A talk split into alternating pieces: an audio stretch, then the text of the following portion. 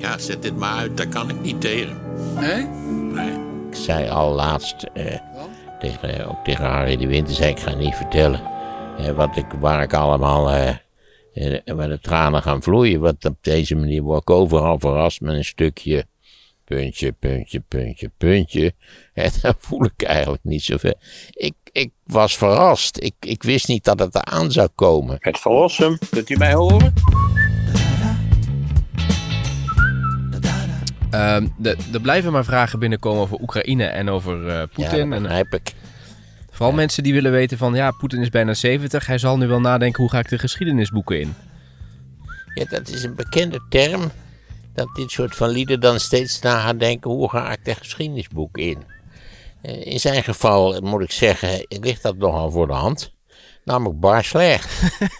ja, ik zou zeggen, eh, misschien dat een enkeling nog zegt, ja, in het begin viel het nog wel mee of zo. Maar ja, het, hij heeft natuurlijk van een land met een, met een, eh, hoe zullen we dat zeggen, embryonale democratie die moeizaam functioneerde, maar die misschien nog kansen had, heeft hij een extreem onaangenaam, eh, hoe moet ik dat zeggen, dictatuur gemaakt. Eh, dus ja, daar valt verder niks positiefs over te zeggen. Dat de economie zich daar heeft hersteld na de ellende van de jaren negentig, eh, had hij vooral te danken aan het feit dat hij aan de macht kwam op het moment dat de energieprijzen zich uiterst voorspoedig ontwikkelden. En voor zover die ooit heel populair geweest is, want dat is wel zo, had dat eh, te maken met het feit dat voor vele Russen hij in feite die, totale kladderadatsch, die ineenzakking van de jaren negentig, tot eh, gecompenseerd had. En natuurlijk ook, ja, er waren mensen die hun pensioen kwijt waren geraakt en daar is ook wat aan gedaan. Dus ja, aanvankelijk was die voor de bevolking van Rusland een zegen. En ja, toen werd hij minder populair. Je weet hoe het met deze types gaat. Als ze minder populair worden, dan gaan ze allerlei wegen zoeken waardoor ze toch aan de macht kunnen blijven. En daar is hij grotendeels in geslaagd. En zodoende is het nu een politiestaat. Een buitengewoon onaangenaam soort van samenleving. Want ja, dat eh, is natuurlijk ook iets. eh, iedereen hoopt nu dat Poetin ineens van het trap valt en zijn nek breekt of zo. Of dat hij tot inzicht komt, weet ik veel, of zijn vriendin hem overhaalt. Dat zie ik al 1, 2, 3 allemaal niet zo gebeuren. Hij is 69 en voor zover ik kan zien in prima conditie. Eh, er schijnt wel steeds meer oppositie te zijn in Rusland, maar ja, dat hangt toch van los zand aan elkaar, voor zover ik het eh, kan beoordelen. Misschien zal het toenemen. Je hebt zelf waarschijnlijk wel die eigenlijk vrij tragische scènes gezien in mediaprogramma's. Waar dan plotseling iemand zegt: Ja, het, het is helemaal niet zo als jullie beweren. En dan worden ze toegeschreeuwd door de presentatoren. Op de Russische tv ja, bedoel je? de Russische Ja. tv. Ja. Ja, dus. Eh, maar om de vraag afronden te beantwoorden: hoe gaat Poetin eh, de geschiedenis in? Nou, niet best. Maar hij wil de Sovjet-Unie herstellen en daar is hij nu toch wel voor een deel mee bezig. Nou, dat ben ik niet helemaal met je eens. Ten eerste hebben de Russen, daar hebben we het vaker over gehad, de Sovjet-Unie is zelf opgeblazen. Dat heeft Yeltsin gedaan om van Gorbachev af te komen. Nou ja, en misschien anders dan Yeltsin ooit had vermoed, hebben sommige van die republieken het ruime sop gekozen, om het maar even zo te zeggen. En die hebben zich eigenlijk, die zijn zich in toenemende mate meer gaan oriënteren op het Westen. Eh, een aantal, bij een aantal is dat niet gebeurd. Maar we hebben natuurlijk opstandige bewegingen ook. In de Oekraïne zit is duidelijk eh, gezien in Wit-Rusland. Dat is, ja, dat is neergeslagen en er is enorm veel geweld gebruikt en zo, maar dat is niet weg. Dat zal vroeg of laat keert dat weer terug. En dat was in Kazachstan was dat in feite ook het geval. En ja, kijk naar de Oekraïne. En die, die nu met een extreme hoeveelheden geweld probeert hij de Oekraïne tot de orde te roepen. Maar wat dat tenslotte op gaat leveren, dat weet niemand. Maar veel positief zal het niet zijn. Maar hij gaat wel winnen. Daar lijkt het nu wel op. Wat is winnen in dit scenario? Hè? Hebben we het ook al eerder over gehad. Niks is zo makkelijk als zo'n onderneming te beginnen. Tromgeroffel, vlaggenwapper. We gaan dit doen, we gaan dat doen. De wereldgeschiedenis neemt een andere wending. Maar het is heel lastig om er een eind aan te maken op een zodanige manier dat je nog redelijk tevreden kunt zijn over het geheel van de expeditie. Ik verwijs naar de Amerikanen in Irak. Weet je nog hoe dat de eerste ja. weken was? Ja. Oh, triomfantelijk. Saddam Hussein werd omvergetrokken. En democratie in het Midden-Oosten. En het Palestijns-Israëlische conflict zou worden. Nou, kortom, het was. Het kon niet beter. En het is een dramatische, verschrikkelijke, ontzettende mislukking geworden. In Irak, maar in bredere zin ook de hele Amerikaanse politiek in het Midden-Oosten. Dus ja, hoe gaat dit aflopen? Dat weet dus niemand. Dus je ziet overal wisselende scenario's. Het scenario dat hij gewoon wint en, en voor zover er dan nog oppositie is, dat hij die onderdrukt en dat Zelensky een regering en ballingschap vormt. En dan kun je een scenario voorstellen dat Oost- en West-Oekraïne van elkaar gescheiden worden. Ik denk sowieso dat dat Luhansk en dat Donetsk, wat er ook gebeurt, inclusief dat uh, Schiereiland, eh, De Krim. ja, de Krim, dat dat helemaal niet meer terugkeert. Dat lijkt mij vrij voor de hand liggend. Maar het zou kunnen zijn, want als je Kiev, daar loopt een Dnieper. En, en die verdeelt Oost en West. Eh, dat, dat lees je ook wel, dat dat het geval zou kunnen zijn. Dan zou het kunnen zijn dat, die, dat het nog verder militair misgaat. Dus moeten we het daar zo ook even over hebben. Wat een prutsers. Grote god De Russen je, hè? Ja, de Russen. Wat je erover leest, als dat waar is. Ik bedoel, ik heb er ook niet bij gestaan, maar dan moet je toch constateren dat ze echt totaal geen benul hebben van moderne oorlogvoering. Ze hebben de spullen wel, maar ze hebben al honderden tanks verloren.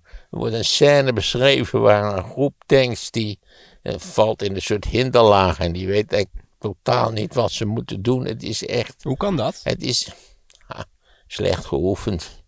Geen discipline, geen duidelijke organisatie, geen coördinatie van het gevecht. Ja, ik was haast te zeggen. Lees eens wat over de Duitsers aan het begin van de Tweede Wereldoorlog. Daar hebben we het ook over gehad.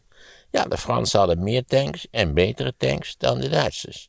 Maar als je er niks mee kunt, dan wordt het niks. En dat is eigenlijk de, de indruk, de brede indruk die Rusland in de Oekraïne maakt. Maar heeft het leger gemoderniseerd de afgelopen jaren? dat, ja, nieuwe spullen. Hè? Ik zou maar zeggen, als jij een nieuwe Audi koopt, dat zou best kunnen. Dan wil nog niet zeggen dat je een betere automobilist wordt natuurlijk. Nee, dan kun je Ik alsnog weet, ik heb geen idee over jouw talent als automobilist, maar je wordt er van een nieuwe auto word je geen betere automobilist. Nee, je zou hem in de park kunnen rijden. Bijvoorbeeld, sterker nog, de kans is groter dan bij de oude, omdat je denkt, lekker vlot wagentje. Trouwens even, hupsakee op één oor de bocht om en nou, dat dan helemaal bij, dan zit je al helemaal fout natuurlijk. Moet even mijn neus snijden. Ja. Johnny de Mol had gezegd, nou, ik wil wel in mijn tuinhuisje wat mensen uit Oekraïne ehm, eh, welkom heten, opvangen. Zou jij dat ook willen doen? Je hebt natuurlijk je kinderen zijn het huis Ik uit. heb geen tuinhuisje. Maar in je normale Ik heb huis? wel een groot huis. Ja. Nee, ik ga dat niet doen. Waarom niet? Omdat het een, ik, ik wil mijn privacy niet op die manier laten aantasten. Ik heb ook nooit een kamer verhuurd aan studenten. Nee. Het is mijn huis. Maar dit is toch het PvdA-gedachte, sociale gedachte, mensen in huis nemen? Ja, ik begrijp dat volkomen, maar daar wordt ook enorm tegen gewaarschuwd. Hartstikke leuk, want de eerste week voel je jezelf moreel verheven boven de rest van de mensheid. En nou ja, als het dan drie jaar geduurd heeft, dan zit je met een probleem wat lastig oplosbaar is. Omdat je ze niet zomaar in het huis Nee, zet. ik zou zeggen, als je dan wil steunen, steun eh, die organisaties financieel die zich met deze zaken bezighouden. Dat lijkt me een stuk effectiever. Ja, moet je er ook vanuit gaan dat... Maar nogmaals, ik ben, ik ben een, een, een fervent tegenstander van dat je voortdurend, dat je niet in je blote reet door je eigen huis kunt lopen. Dat vind ik gewoon niet prettig. Dat kun je toch wel doen? Nou, het lijkt me kwetsend voor die Oekraïners die ik in huis heb genomen, dat ik steeds in mijn blote reet voorbij kwam. Dan moet je gewoon zeggen, zo doen wij dat hier. Nou, dat, eh, ik, dit, dit hele scenario trekt mij op geen enkele wijze aan. Nee, ook, geen die, ook over dieren werd gesproken. Misschien kun je mensen die huisdieren van die mensen in huis nemen. Nou ja, dat zou mijn vrouw nog kunnen overwegen, maar ook daar voel ik niet zo verschrikkelijk veel voor. Nee. Aangezien ik onveranderlijk altijd degene best zal zijn die de hond uitlaat en de kattenbak schoon moet maken. Jij? Ja, zeker. Oh. Normaal is het dan, zeggen ze, is het andersom. Dan wil de, de man graag eh, een hond of een, en dan moet de, de, de echtgenote... Bij ons is het precies omgekeerd. Oké. Overigens al lang niet meer, want wij zijn zo oud dat het nemen van huisdieren, die laten we zeggen in principe een jaar of 15 kunnen leven, dat is al een, een zodanige wonderlijke gok op onze nog veel hogere leeftijd dat we daar natuurlijk niet aan moeten beginnen. Nee. Wij zijn allebei 78, worden dit jaar 79. Dus als je kat 15 jaar leeft, en dat zijn we niet zo verschrikkelijk lang, hè, zelfs honden halen dat nog wel eens, dan zijn we dus 94. Nou, kom op. Ja. Je, moet, je moet ook een beetje realistisch blijven We, natuurlijk. zijn, we gaan zowel als Nederland natuurlijk hè, opvang in de regio, dat gaat gebeuren. Eh, schepen worden ervoor gebruikt, cruiseschepen. Ja, ik, ik, ik wens ze al het beste toe. Ik ben graag bereid eh, financieel bij te dragen. Indien dat ook realistisch mogelijk is. Maar in, in mijn huis, nee. Nee. We zijn nog luisteraars die vroegen zich af waarom je niet in het belpanel zat eh, maandag van Giro 555. Dat is al helemaal niks voor mij natuurlijk. Ik weet zeker dat als ik in een bel, belpanel had gezeten, dat ze, dat ze tienduizenden euro's minder hadden opgehaald. Waarom? Ja, dat, met dit, mijn toon is altijd verkeerd bij dit soort van gelegenheden. Ik ben altijd geneigd om te zeggen, weet u het wel zeker en zo. En, Ja, ik kan, ook, kan u ook niet garanderen dat het goed terecht komt. ja. maar er zijn ook mensen die zeiden, ja, Maarten heeft zijn kwetsbare kant bij wintertijd laten zien. Ja, dat was ook wat zeg. Daar zie je aan hoe de social media, hoe, hoe werkelijk de meest minieme incident daar al na enige tijd een soort van uitbrekende Vesuvius lijkt te worden. Ik ga wel even een raampje Ik openzetten. kijk of die open gaat. Moeten we even de stroom, we moeten de stroom er even aanzetten. Wacht even. Zo. Even kijken. Het is weer warmer dan ik dacht, moet ik je Ja, je zeggen. bent, ook heel goed in. Je hebt de winterkleren. aan. Ja, joh, ik heb me. Maar ja, dat komt omdat ik door, door mijn Romeinse ervaringen. Ja. En in de dagen daarna hier, het was dermate. Want hè, je denkt, oh, het zonnetje schijnt, de lente is begonnen. De merel kwinkeleert in de achtertuin. De deur uit en Jezus nog een toezeg. Je wordt getroffen door een polaire wind. Ja, met alle gevolgen van die Ja. natuurlijk. Hé, maar wat was er bij wintertijd? Wat was daar? Want er werd een muziekstuk werd er eh, gespeeld. Nou ja, dat eh, hij maakt als Hij een soort ziek. afscheid, ja, precies. Als een soort afscheid aan zijn programma-idee van je leven geschetst en begeleid door muziek. En hij is Harry de en Winter. laat, hij is Harry de Winter. En eh, dat, zullen de mensen toch wel weten, neem ik aan. En hij maakt een laatste serie. Ja, want hij heeft altijd 23 jaar geleden of zo had hij Ja. wintertijd een interviewprogramma. Hè? Volgens mij bij RTL heeft 5. Tientallen mensen heeft hij al eerder over die muziek geïnterviewd. Nou ja, zo gezegd, zo gedaan. Dat had ik ook gedaan. Dat is een heel leuk gesprek op zichzelf. Maar eh, ja, hij, zij draaiden eh, onverwacht. Draaiden zij Arthur Rubinstein die Schubert speelt. En nou ben ik extreem gevoelig voor romantische pianomuziek. En dit is wel bij uitstek romantische pianomuziek. Prachtig gespeeld bovendien door die Rubinstein die zo'n nou ja, zo'n, zo'n, het, het is alsof het hem volkomen moeiteloos afgaat. Het, het, hij schijnt ook betrekkelijk slordig te spelen, maar het is verbazingwekkend mooi.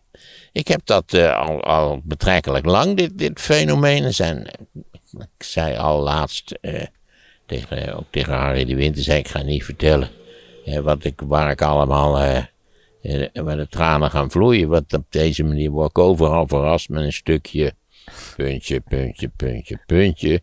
En dan voel ik eigenlijk niet zoveel. Ik, ik was verrast. Ik, ik wist niet dat het eraan zou komen.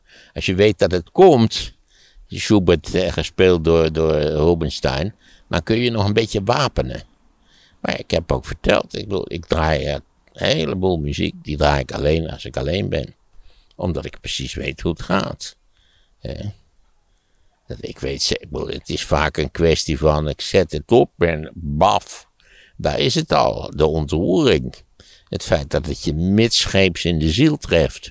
Maar hoe wist hij dat dan? Dat je dat... eh, Nou, dat weet ik niet. Ongelukkigerwijs heb ik waarschijnlijk in het voorgesprek gezegd dat ik eh, graag en veel naar klassieke muziek luister. Maar dan moet je ook maar net dit uit, uitkiezen. Nou, dat maakt niet uit. Kan je zo tien andere eh, stukjes geven die precies hetzelfde verschrikkelijk effect hebben. Ja. En hoe kwam de winter bij jou uit? Ben jij daar eerder ook geweest? Of, Nee, nee, nee, nee, ik ben daar nooit eerder geweest. Het ging toch in mijn herinnering voornamelijk over popmuziek. En eh, ik ben nog steeds een, waardeer ik zeer de popmuziek van mijn eigen jonge jaren. Kijk, na 75 is het niet veel geweest wat mij betreft. Dance en hip-hop, dat zijn allemaal dingen die mij totaal Siberisch laten. Eh, en het, vanaf die tijd heb ik eigenlijk altijd naar klassieke muziek geluisterd. en dat was... Dat Wat ik gewoon van huis uit mee heb. Ja. ja. Nou, er zijn mensen die zeggen van eh, Maarten is toch een mens. En, eh, Ja, en ik moet zeggen, daar was ik ook verrast over. Ik dacht al jaren dat ik eigenlijk geen mens was, maar een, een, reptiel van een, uit van een andere planeet. en dan zegt ook iemand, ik heb Maarten, ik heb alles van Maarten gezien. Ik heb hem nog nooit emotioneel gezien.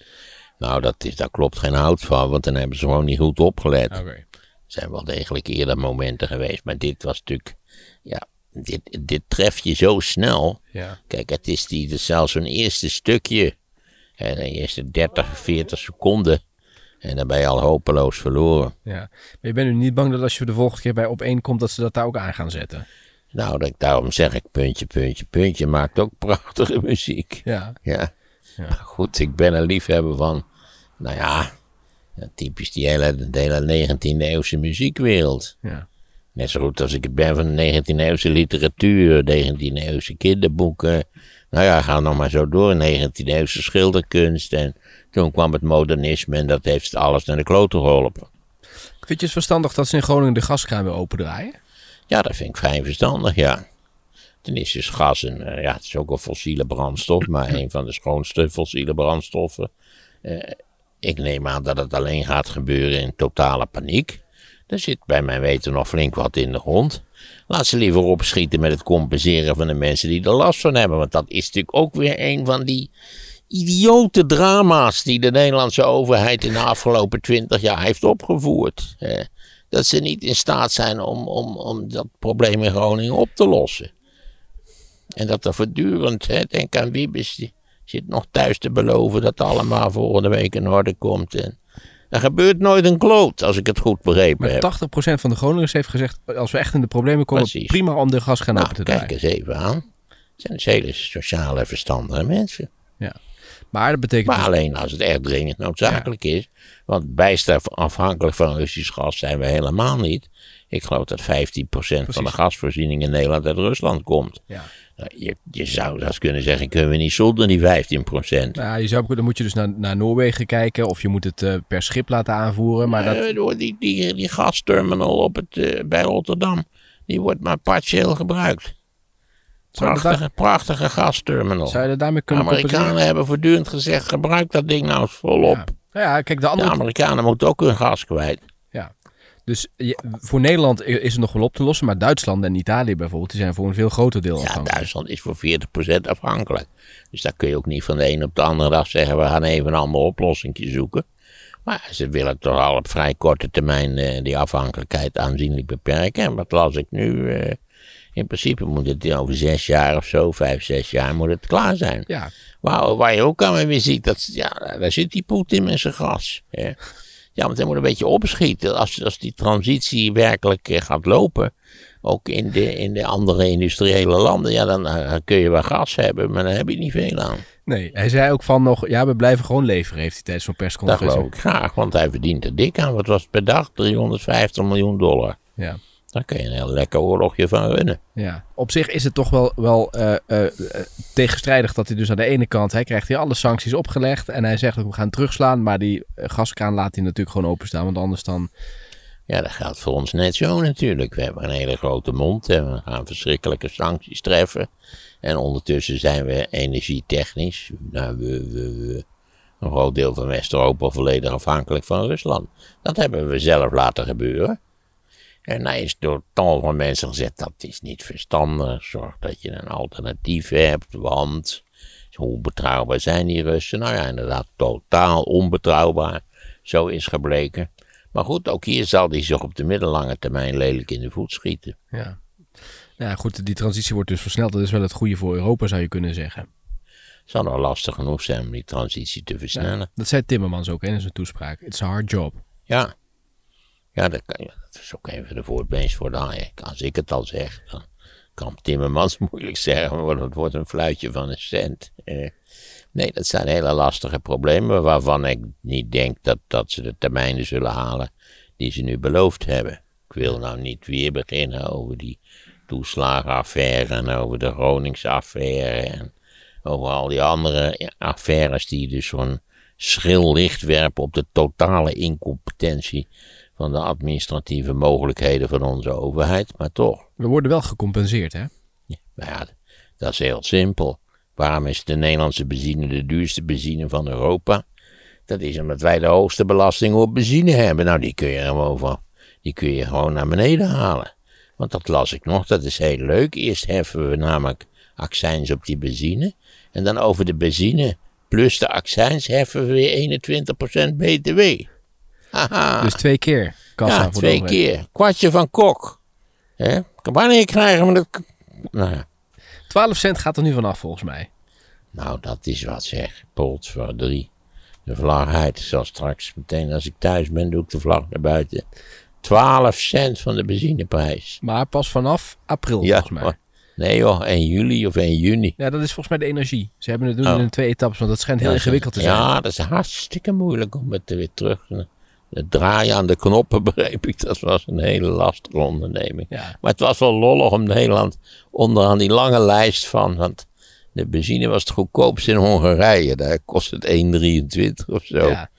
Je zou bijna denken, kan ik niet daar een, een, een tankje bestellen die ze hier naartoe brengen? Heb je nooit getankt bij die reuze tankplaats hè, in het zuiden van Luxemburg? Ja, dat is heel goedkoop. Dan gaat iedereen ook tanken altijd. Ja. Precies. Er staan wel, staan wel honderd pompen.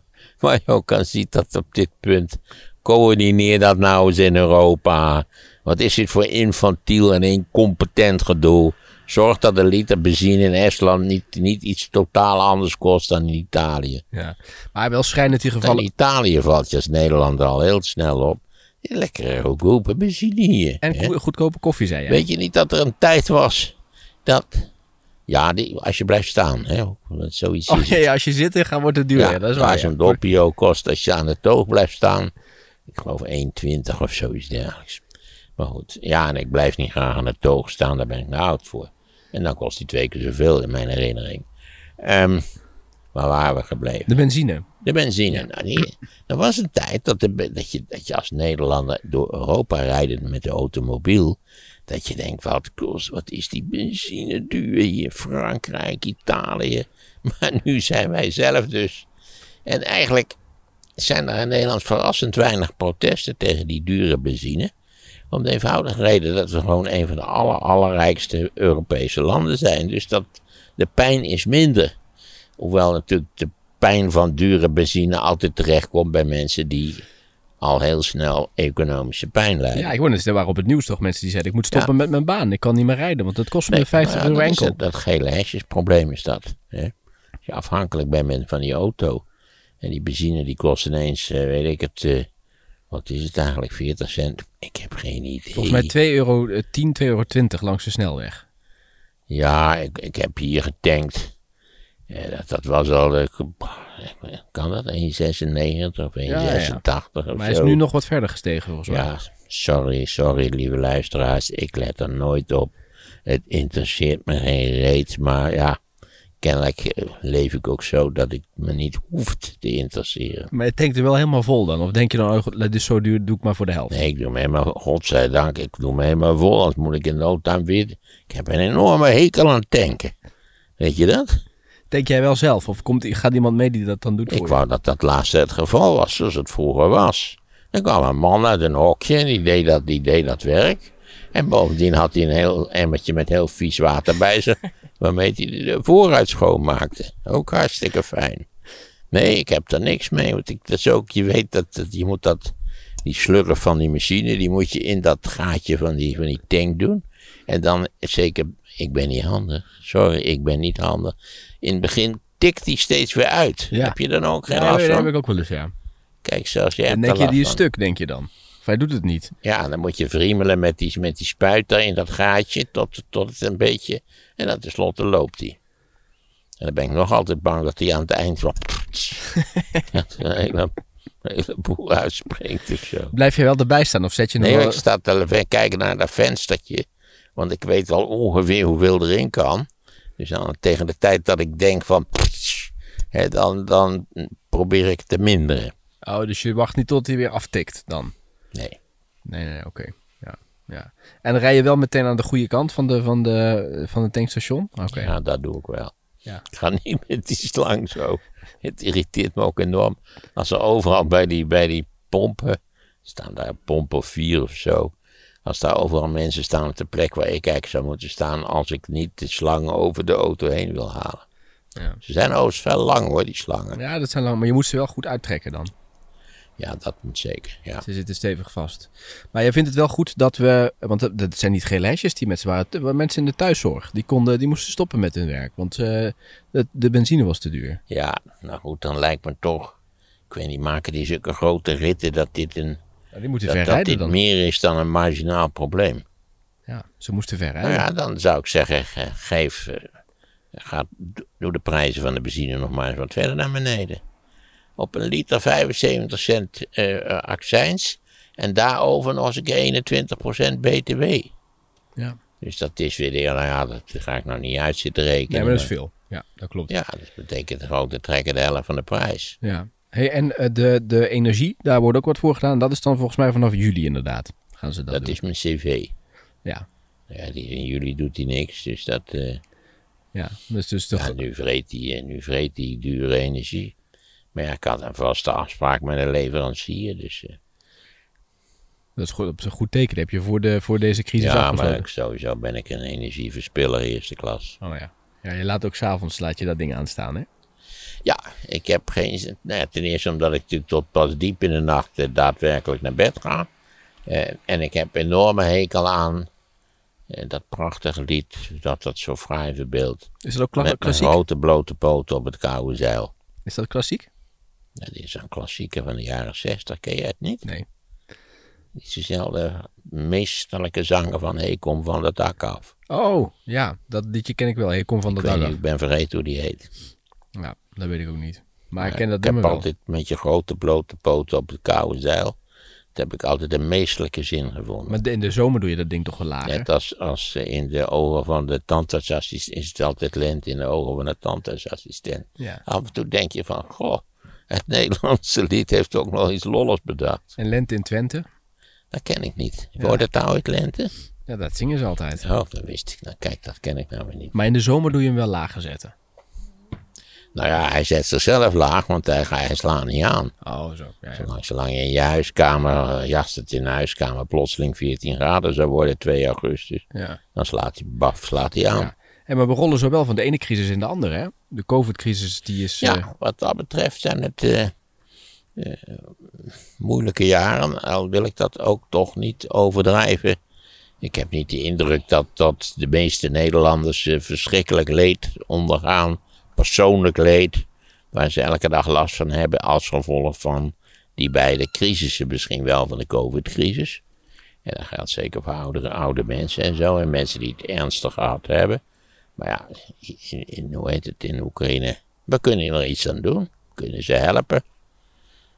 Ja, waarom Rutte nou zo expliciet wil, moest zeggen van... Nee, ze kunnen niet lid worden van de Europese Unie. Dat gaat jaren duren. Nou, als je die onderhandelingsprocessen, als je dat een beetje bekijkt... dan weet je dat, dat tegen de tijd dat Zelensky naar het oude Verdagenhuis gaat... dan eh, wordt de Oekraïne misschien lid van de EU. Ik, had, ik vond dat daar best wel wat meer vaart achter gezet had kunnen worden. ja, maar dan had je dus nu een direct... Ja, ze zien de bui natuurlijk weer hangen. Maar ja, dat, dat er in Nederland natuurlijk veel oppositie tegen is. Denk ik hoor. Maar ja, dan heb je een groot machtsblok, namelijk de NAVO, in direct conflict met Rusland. Waarom zou dat zo zijn? Ze hoeven toch geen lid van de, van de NAVO te worden? Ze worden lid van de Europese Unie. Dat is heel wat anders. Dat is ook een, dat is niet neutraal. Dus dat zou wel betekenen dat als je nu een deal maakt met Rusland, waarbij je dus een, een zegt van de Oekraïne blijft neutraal, de klote republiekjes gaan naar Rusland. Wat Rusland wil. Ja, dan, eh, nou goed, dan kun je geen lid van de EU worden. Nou moet ik zeggen, met zo'n associatieverdrag en wat handigheid en doorzettingsvermogen valt veel te bereiken.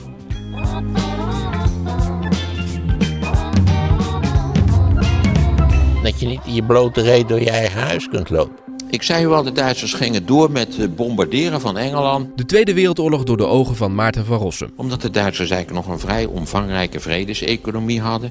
Dus alle kappers en verkopers in kinderspeelgoedzaken en nou ja, eh, taxichauffeurs, u kunt zich daar van alles bij voorstellen, duivenmelkers. Download het luisterboek via de link in de beschrijving. Al die lui hadden niks meer te doen. Het centrum van Hamburg was verdwenen, dus die konden gebruikt worden. Want het was het centrum wat gebombardeerd was, niet de periferie met de industriële bedrijven, het centrum.